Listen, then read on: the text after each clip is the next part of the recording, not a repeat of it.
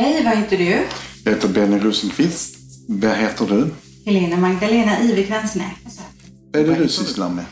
Jag arbetar som medium, astrolog, andlig lärare, författare, skribent och poddare med dig. Och vad gör du? Jag är livsnjutare. Vad härligt. Och jag, eh, när jag inte gör det, jag njuter av det jag gör också, så är jag medium, författare, skribent och föreläsare och poddar med dig.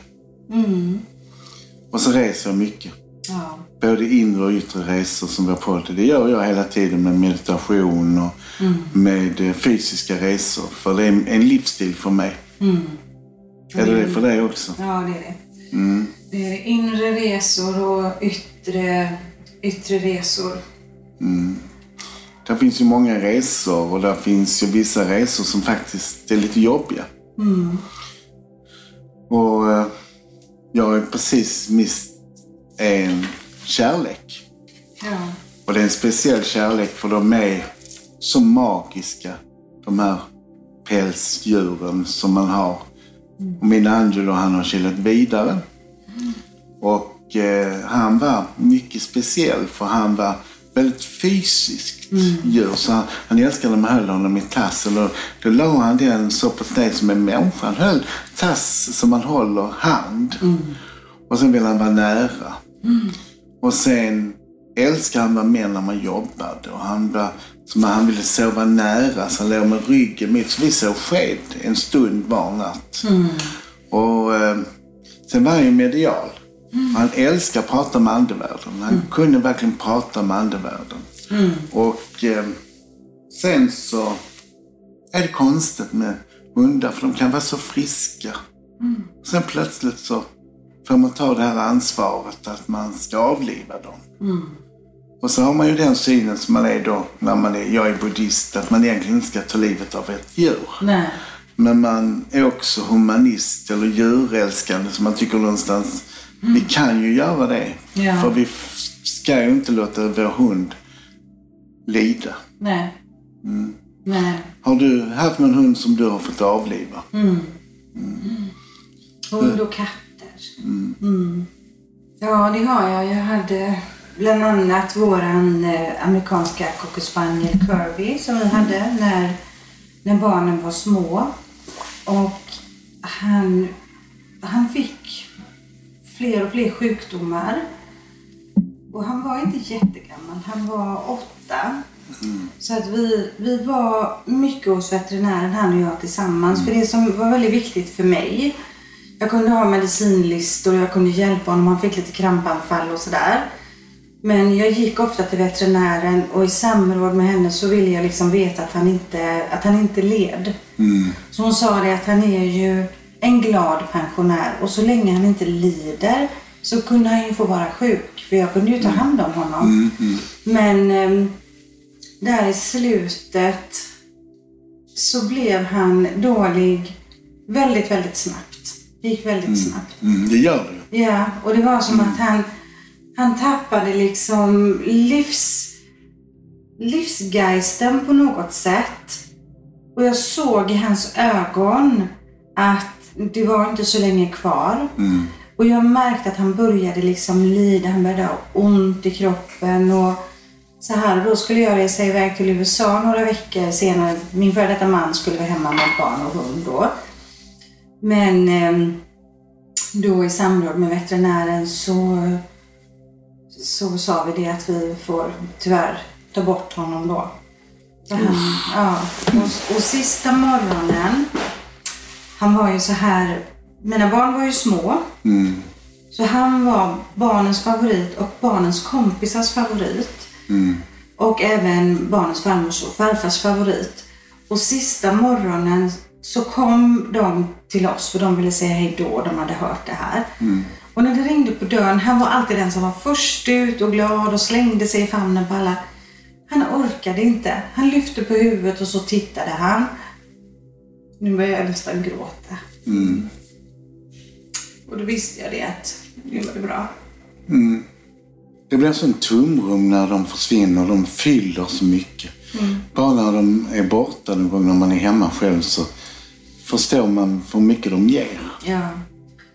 Verkligen. Och samtidigt när man har en hund som är äldre och som Kirby då, han hade, han hade lite olika krämpor och sådär. Eh, Så var det också väldigt tufft varje dag att komma hem. För han var själv hemma några timmar när jag var på jobbet då. Varje dag att komma hem och inte veta om han levde. Att inte veta vad, vad möter mig nu. Eller på natten och på morgonen när man kommer upp. Lever han? Så det är ju den här dagen, den avgörande dagen är ju jättetuff och tiden efter. Men också innan. Så det är ju väldigt speciellt att leva med en äldre hund. Mycket, Angelo blev 14 och ett halvt så det är väldigt mycket för en golden retriever som är en stor hund. Men han och jag var så nära varandra. Men I somras så började det blöda från munnen på honom och där bak. Så jag förstod att det här står inte rätt till och jag vill inte att de ska utsätta honom för massa undersökningar. Nej. Men det lustiga är den dagen när det väl var dags så var han så pigg. Alltså det är precis som han vill visa att nej mig du inte ta... Ja, han kände på sig energimässigt att det var någonting. Så när vi var ute så snurrade han sig på gräset som att jag är den piggaste vovven i hela världen.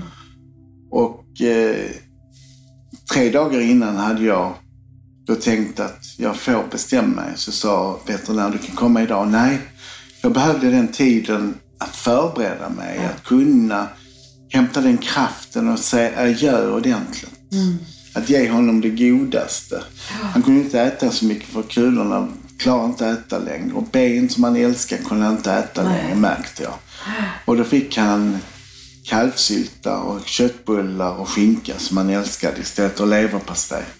Så sista dagen, och även kokta ägg älskar ju Angelo. Så den dagen var det ju matfrossa kan man säga. Så att han, han fick ju allt det godaste han kunde ha. Och eh, så var det då dags att åka iväg. Och, Så kom vi in till veterinären och jag tog med Guido, min andra hund, och han blev huvudkudde. Så han låg med huvudet, Angelo, på hans bak.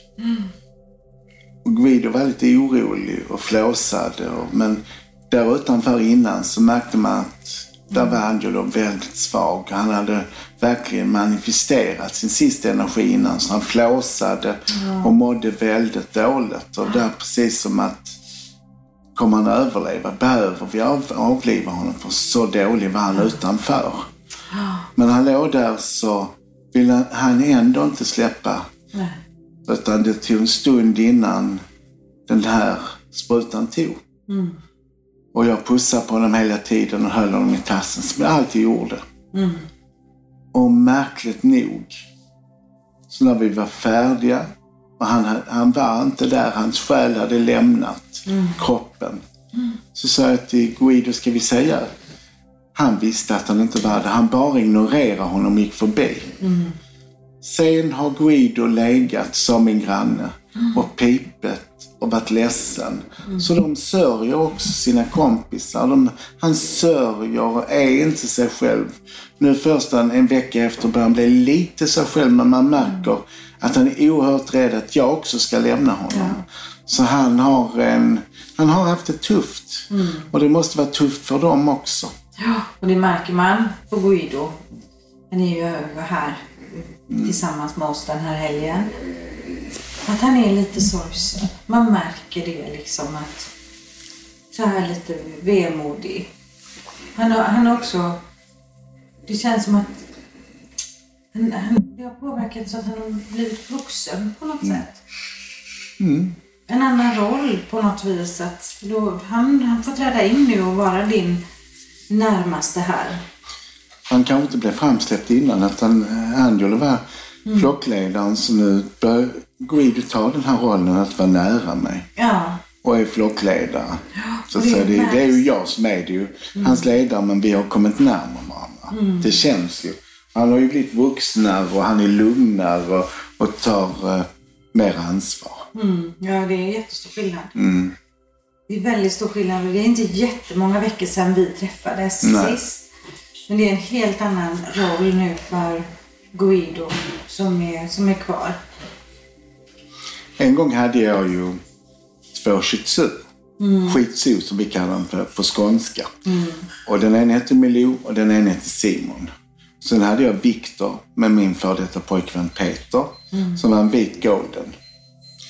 Och först är Milou. Och sen Simon, det var fantastiskt. För jag var på salongen och han blev, brukade bli passad av ett par. Och de var där och blev klippta. Och Per som jag skaffade Simon med var där och blev klippt. Så när alla var samlade så sa bara Angelo, eller eh, Simon sa "Mm", och la sig över dörren. Och så dog han. Men, När alla var samlade själv så han, var, han, han bara somnade in. Och det skriket som Viktor hade när han upptäckte att, eh, att han hade dött Simon. Det var som när en människa sörjer sin älskade. ja. Det var så hjärtskärande. Och han sörjde ihjäl sig. Så ett halvår efter så fick jag, då fick han skelettcancer. Och blev smalare. Och jag fick avliva honom. Och att mista tre hundar på ett år, det var fruktansvärt. Så otroligt tufft. Ja. Det var jättetufft. Alltså, det är en gåva att ha hundar. Många säger att jag ska aldrig skaffa hund för att det där att avliva dem är det värsta. Men jag säger, jag kan inte leva utan hund. Nej. Att det de ger är så mycket mer så att man, jag tar mig igenom det. Ja, man gör det. Jag har ju tidigare också varit en kattmänniska. Jag har alltid haft katt. Eh, Jag tål tyvärr inte katter längre, men vi har alltid haft katt när jag växte upp och även som vuxen. Och även katter är ju också... Man blir väldigt, väldigt nära. Och där har jag varit med om att eh, katter har... Framförallt en katt som bara försvann. Hon hette Felicia. Jag tänker alltid på Cornelius. Felicia försvann. Hon gick ut genom dörren en dag så kom hon aldrig hem. Och det var jättetufft. Vi letade och letade. Vi var ute och vi ropade. Vi satte upp lappar och jag fick aldrig veta vad som hände. Och det var svårt för mig att komma vidare efter det. För jag hoppades ju flera år på att hon skulle komma tillbaka. Jag vet fortfarande inte vad. Och vi försökte på alla sätt och vis. Och jag försökte liksom medialt och kalla på henne och söka henne. Men hon bara försvann. Usch, vad otäckt. Ja, jätte... Ovissheten är hemsk. Ja. Eh, Du- det är- jag, ja, jag har förlorat några katter. Mm, och ehm, en av mina absoluta favoritkatter, Felix. Jag hade Felix och Felicia tillsammans. Då var jag inne, vi bodde, vi bodde i lilla Vetlanda där. Och jag var inne och skulle lägga min äldsta dotter. Och Felix är där. Och Felicia är där. Och de hade fått tre kattungar. Och alla var där. Så går det en kvart, 20 minuter så kommer det och ringer på dörren och säger det ligger en katt ute på vägen. Vi tror att det är din. Nej, säger jag. Nej, men min katt. De är ju inne här. Så var det min katt. Och jag blev alldeles förkrossad. Jag älskar honom så mycket. Men det var någon som hade kört på honom och de hade ringt polisen så polisen kom och sådär. Eh, Men då hade ju Felix och Felicia fått kattungar. Och då var alla tre var tingade. Men en av de här kattungarna frågade jag för jag istället kunde få behålla. Och det blev Filip som sen var hos oss i 14 år sedan. Lång, lång tid. Och han blev tyvärr också påkörd. Nej, vad tråkigt. Ja, för jag har... Vi har ju alltid bott på landet och det finns alltid en risk med trafiken. Men jag har gjort det valet att de har hellre fått leva ett liv i frihet och komma vara ute i trädgårdar och så här. Och så har det varit en risk då att de ska bli påkörda och vi har tyvärr fått erfara det då. Eller försvinna. Det kan Ja, man också göra. De de kan bli bortjagade, rädda för saker. Som kan försvinna också. De behöver, eller så, ibland så flyttar de ju också. När de tycker att de inte är nöjda. Så flyttar de in hos någon annan. Så en katt kan välja att Ja. lämna och flytta in hos en ny husse och matte. Då vill jag berätta en rolig sak. Ja. Min dotter, min äldsta dotter hade en katt som hette Pepsi. Och hon var och jobbade uppe i Norge, i Bergen. Då hon kunde inte ha med sig katt. Så vi passade den här katten. Han var jättehärlig. Det var när vi bodde i Särö. Och så en dag så är Pepsi försvunnen. Och vi letade igen och letade. Och vi hittade Pepsi efter, jag tror att det var ungefär en vecka. Han hade flyttat upp, lite högre upp på Drottningvägen. Flyttat in hos hans familj där med två små flickor. Och han hade blivit i- ivägskrämd för när han kom dit så var han, han var lite skadad och han var rädd. Så de tog hand om honom i väntan på att vi skulle hitta. Och han trivdes så himla bra så jag sa det till min äldsta dotter att du är ju ändå iväg i Norge och, och jobbar och vet inte när du kommer tillbaka. Ska han inte få stanna i den familjen? Så vi kom överens om att han skulle få bo kvar hos dem. Mm. Och så gick det, ja vad kan det ha varit? Ett år kanske? Mm. Eh, Så satt det en lapp i affären, katt bortsprungen. Och så satt det en lapp i affären, katt upphittad. Mm. Och då var det någon som ringde till mig och sa det att ja, Pepsi, det var ju eran katt som försvann och flyttade in då uppe på Drottningvägen. Ja, ja han har flyttat vidare nu för nu bor han uppe hos konstnärsparet högst upp på Drottningvägen. Uppe hos Mikael och Lena. Så han hade flyttat vidare en gång till. Ja. Och då, det var ingen idé att försöka flytta honom därifrån. Han hade bestämt sig. Så han har bott han följer liksom Drottningvägen högre och högre upp på berget. Mm. Så han fick stanna där. Ja, vad fint. Ja, han var, han var vandrare. En vagabond. Vi hade en hamster. Och när den dog så blev vi också, den blev två år gammal knappt. Och vi blev jättebestörta för vi fick inte ha hund då. Men när den dog så, mammas Paco Rabanne parfym, den fick bli kista. Och vi hade en ceremoni och vi begravde den och vi tände ljus och vi hade jättejobbet med den här eh, lilla hamstern. Ja. Och sen hade vi ju en, en tax som eh, skällde. Och en dag så kom min pappa hem och så sa han, ja tyvärr så eh, var vi tvungna att lämna bort Poppy då, som jag älskar så mycket. För då hade de avlivat honom. Så fick jag en fotboll. Jag hatar fotbollar ju. Ja. Så jag är ingen fotbollsspelare. Så det, att byta en tax mot en eh, fotboll, det är inte så populärt. Nej. Men så fick min kusin, en, min morbror fick eh, taxar. Och så sa de, nu får du välja en. Ja, vi tar en med fjäder på magen. Så att eh, det var en tax som kom in och så fick vi också en tax med fjäder på magen i min familj. Så vi fick också en tax av min morbror som har fått flera ungar. Vad fint. Jag tänker vad mycket minnen man har med djur. Precis som man har med vänner genom livet så har man minnen med djuren genom livet. Och nästan mer minnen. För det blir liksom... De blir en större familjemedlem än faktiskt eh, ibland vissa familjemedlemmar. En kompis som sa jag grät mer när hunden dog än när mannen dog. Mm. Eller som min kompis sa när hon var liten. När pappa hade fått allergi. Men var ska pappa flytta nu då? Ja, precis. För hunden skulle inte flytta, det var pappa som skulle flytta då. Mm. Så det här med hundar och barn är och djur är ju viktigt. Jag tror barn blir bättre också om de får lov att ha djur. Och nu har de ju konstaterat att de får mindre allergi om de utsätts för det här att ha katt och hund hemma. Att ofta är det de barnen som inte har haft djur som får allergi, så att säga. Förutom jag då, som Ja. alltid haft djur. Ja, Men jag är ju superkänslig också så det, det kan ju bli så då. det ena ger det andra. Ja, Ja, man kan ju ingen regel utan undantag. nej. Mina, Två av mina döttrar har ju katter. Så jag kan ju vara hos dem och övernatta där några nätter och sådär. Värre än så är det inte. Och jag är ju lite hundallergisk också men det är ju inte någon fara med det. Men jag sa alltid förr så här att ett hem är inte ett hem utan en katt. Mm, Jag har alltid haft en katt som har legat ihoprullad på köksstolen liksom. mm, Så jag saknar det att inte kunna ha en katt. Jag hade gärna haft det. mm. Jag tycker också om katter. Men jag har aldrig haft katt. Mm. Jag har oftast haft en hund och två katter samtidigt. Åh, Och då har hankatten, jag har haft hanhundar då. mm, Så hankatten har varit bästis med hunden.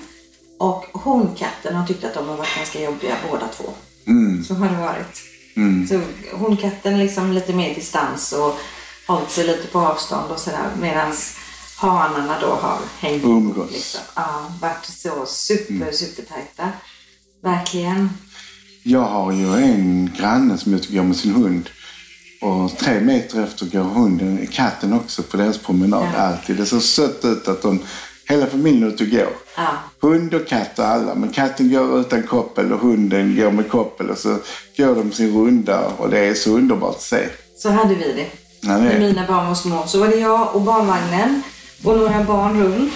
Och så var det hunden och så var det alltid en katt, ibland två. Eh, Men ibland så bröt de av och gick till barnens farfar och tiggde mat istället. Men ibland gick de med på hela, hela rundan runt. Och sen ett par somrar så hade vi igelkottar i trädgården. Oj. Och ehm, Kirby då, han rusade ju fram, det var vår amerikanska cockerspaniel.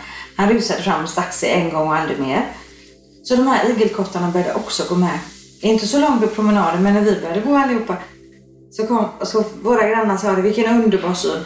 Du med barnvagn och två barn, en hund, två katter och så några igelkottar också. Det var liksom hela, var som Hela familjen.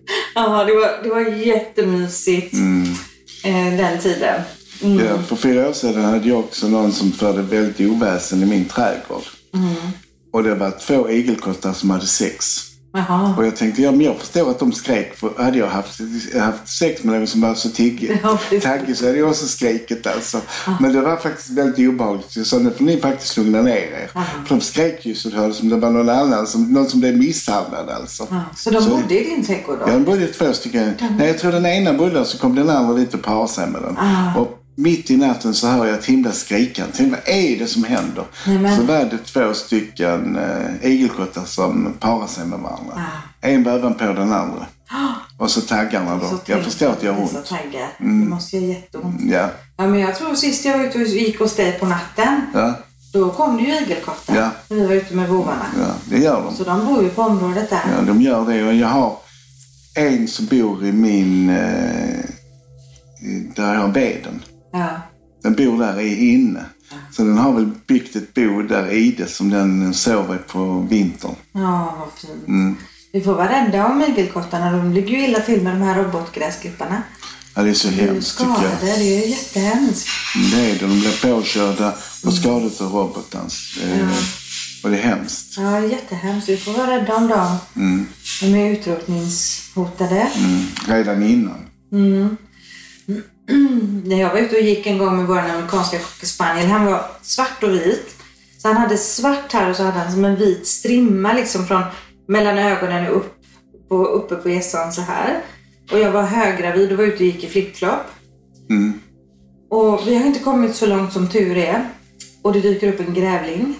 Oj. Och grävlingen börjar springa mot hunden. Och han var ju gammal den här hunden redan då. Så jag sprang och drog med hunden och grävlingen efter. Och jag vet inte om det var någonting i teckningen, för teckningen över ansiktet var ganska likt. Men det var jätteotäckt, så då hade vi grävling som bodde på området där. Usch. Ja, det tyckte jag inte var så kul. Ehm, Mm, för de kan ju vara ganska aggressiva om de kommer fram. De säger man ju i alla fall, så alltid farmor, de biter tills det knakar. Mm. Och det är hemskt. Ja, det var därför man la knäckebröd i stövlarna när man var ute på åkrarna förr. Åh, vad hemskt. Ja, så de kände, ja. Vad läskigt. Ja, jag, Mm. Så det sprang jag med min stora mage i flipflop och en trött amerikansk. Ja. Usch, herregud. ja, men det var bara 150 meter kanske som tur var, men usch, det var otäckt. Mm, det är det.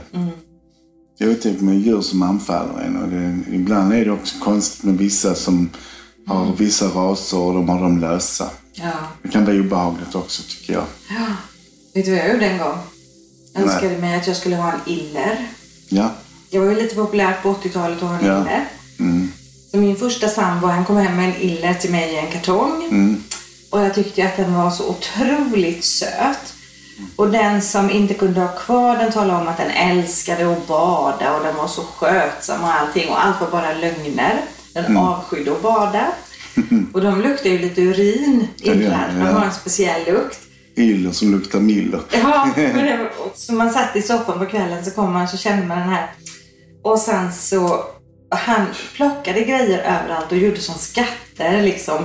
Och det kunde vara bajsblöjor och klubbor. Alltså, åh nej. Och så började han, han ville ju leka så han började hugga sig liksom mot tårna när man satt i soffan. Och så sprang han runt, runt, runt och så fram igen. Och till slut, alltså jag var så nervös på den här illen. Så en dag när min sambo kom hem från jobbet så stod jag i köket uppe på en stol och sa att jag vägrar gå ner innan den här illen har flyttat ut. Så jag fick ringa en zooaffär i Borås och åka och lämna där. Jag klarade inte av. Det var så mycket energi i den här illen. Och så luktade den och så hittade vi de här. Plötsligt så hade hallen bara en enda sko av alla skor. Åh, Och så fick vi leta skatter bakom, in emellan. Och, jag fick ju prova det en gång. Ehm, och det var ju en intressant erfarenhet men jag hade en eh, kompis som hade också en, hon är skådespelerska. Hon hade en iller också som hette Miller. Och den dödade grannens katt så, så vågade hon inte berätta det. Så det, det, det blev lite eh, klen stämning i gatan. ja. Men vet du vad jag hade? Jag hade en pojkvän som jag önskade en spindel av. Ja. Och det var ju egentligen bara skoj, men han tog mig på allvar. Ja. Så jag fick en mexikansk fågelspindel som är världens största spindel. Den var lika stor som min hand med en klo och sen var den hårig och sen var den kopparfärgad. Ja. Vet du vad den hette? Nej. Too much. Ja, jag förstår vi det. döpte om den till Thomas. och det var en fågelspindel som hoppade en och en halv meter upp i luften. Och det, jag tyckte så synd om den så jag gick till djur, eh, i eh, Folkets Park i Malmö. Och så fick jag lära att man skulle göra spindelrörelser och liknande. Så kom den krypande. Sen satte den sig på min hals. Åh herregud. Och så satt den här på min hals när jag strök. Och, den var, faktiskt, och jag blev väldigt ledsen när den log också. Åh herregud. Ja, du har ingen spindelfobi du inte. Nej, det har jag inte. Ja, jösses. Ja. ja, det kryper lite i kroppen men jag är ändå inte rädd för spindlar. När- de blir så stora så de blir individer, då har jag väldigt respekt för spindlar. När jag gick i åttan eller nian så var det en beundrare i skolan. Han heter José. Jättehärlig kille. Jag fick en dansmus av honom Ja. i en sån här liten låda. Det hade legat så här John Silver, när man rullade cigaretter i en sån här maskin. Så fick jag den av honom på engelska lektionen, den här lilla dansmusen. Ja. Och jag tog med den hem. Min mamma var inte överförtjust kan jag säga. Jag hade väl redan både katt och fågel. Eh, och vi hade ju ingen bur, vi hade ju ingenting. Nej. Nej, säger mamma, vi, vi får ha det. Vi får sätta den i badkaret i natt liksom utan vatten då. Så får den, får den bo där och den stannade ju inte där. Den försökte ju komma upp och så. Så dagen efter gick jag tillbaks till José och så sa jag tack så mycket för gåvan. Men du får ta tillbaks den här lilla dansmusen så han fick ta tillbaks den. Vad bra. Men det var väl en gullig romantisk. Men det var romantiskt i alla fall. ja. En dansmus. En dansmus fick jag i gåva. Ja. Han blev väldigt duktig fotbollsspelare. Så några år senare, vi hade skilts åt och så, så fick jag ett vykort ifrån England av José. Det var bättre att få ett vykort än en dansmus. Ja, det var det faktiskt. Ja, Men vi ska vara tacksam att har kunnat älska. Och eh, vi får vara glada för de djuren vi har. Och det är villkorslös kärlek de har och det ger oss. Och det vi ska inse att vilken annan sambo vi viftar på svansen när vi kommer hem klockan två på natten när vi har väl rullat hatt. Så Reader han dansar ner och kommer hem. Hur sent jag än kommer hem så står han och så viftar han med tassarna så står han på två ben för han är så lycklig att jag kommer hem. ja. Det är, så, det är så vackert, det är så fint, det är så otroligt ovillkorlig kärlek. Man får aldrig så ovillkorlig kärlek från en människa. Nej, det är fantastiskt. Nej. För en hund säger inte att jag älskar dig mer om du diskar snyggt. Gör de inte? Nej. Nej, hunden säger köp en diskmaskin och skiter det där när vi är ute på promenad. Klappa mig istället. Ja, precis. Nej, men den är väldigt ovillkorlig, kärleken. Mm, det är det. Men då ska vi ta och avrunda för idag. Nej. Du får gärna fortsätta, det går bra. Nej, jag vet inte. Jag vill bara säga tack Angelo. Du har varit så älskvärd. Jag är privilegierad som varit din husse i 14 och ett halvt år. Du är min älskade vän. Så gråter jag också. Tackar. Ja. Och tack till er som lyssnar. Puss och kram. Puss och kram. Vi är glada nästa gång ni pratar. Ja, vi, vi, vi är, det är en del i livet att släppa fram sina känslor. Och det är fint att ha älskat. För om man gråter för någon så har de varit älskvärda. Ja. Och tårarna rensar vår själ Ja. för nya möjligheter. Och nya möjligheter att älska någon annan. Ja. Och Angelo är med oss här. Mm, det är han verkligen. Han är med oss. Vår lilla ängel. Hej då. Hej då. Puss och kram. Puss och kram.